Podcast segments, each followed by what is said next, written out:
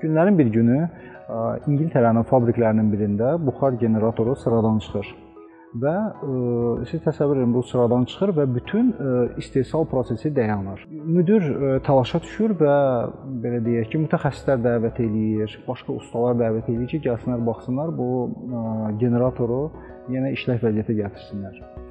Lakin gələn ə, mütəxəssislərin heç biri bu generatoru işlək vəziyyətə sala bilmirlər və yenisini almaq çox baha baha olduğundan mütləq bu generatoru düzəldib işə salmaq lazımdır ki, ümumiyyətlə iş e, iş getsin.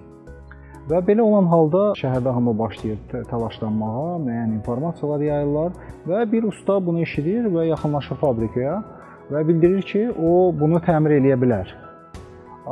Əlacsız qalan fabrik müdiri deyir, yəni problem yoxdur. Əsas məsələ siz təmir eləyin, bizim iş iş getsin, biz sizin haqqınız nədir ödəyərik onu. Usta gəlir, hardasa 10 dəqiqəyə yaxın, gələ bir 500-600 dəfə buxar maşını çəkizlə e, vurur, onu yoxlayır.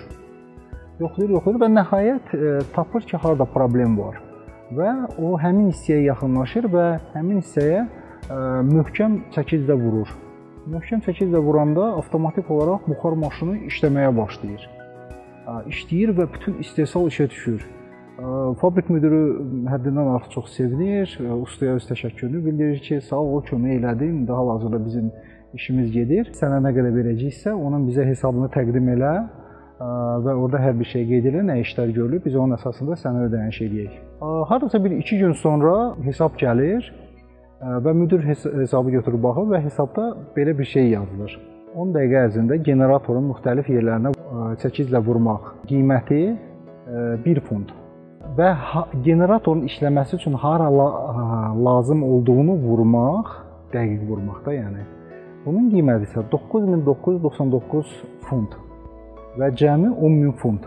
Burada hekayə təbii ki bitir. İndi burada nə demək istəyirdi? Yəni bunu indi sizə mən çatdırmağa çalışacağam. Burada o nə demək istəyir ki, peşəkarlıq hara gəldi vurmaq bacarığı deyil. Peşəkarlıq lazım olan yerə dəqiq vurmaq bacarığıdır. Dostlar, diqqətinizə görə təşəkkür edirəm. Yeni videolarda görüşmək ümidi ilə sağ olun.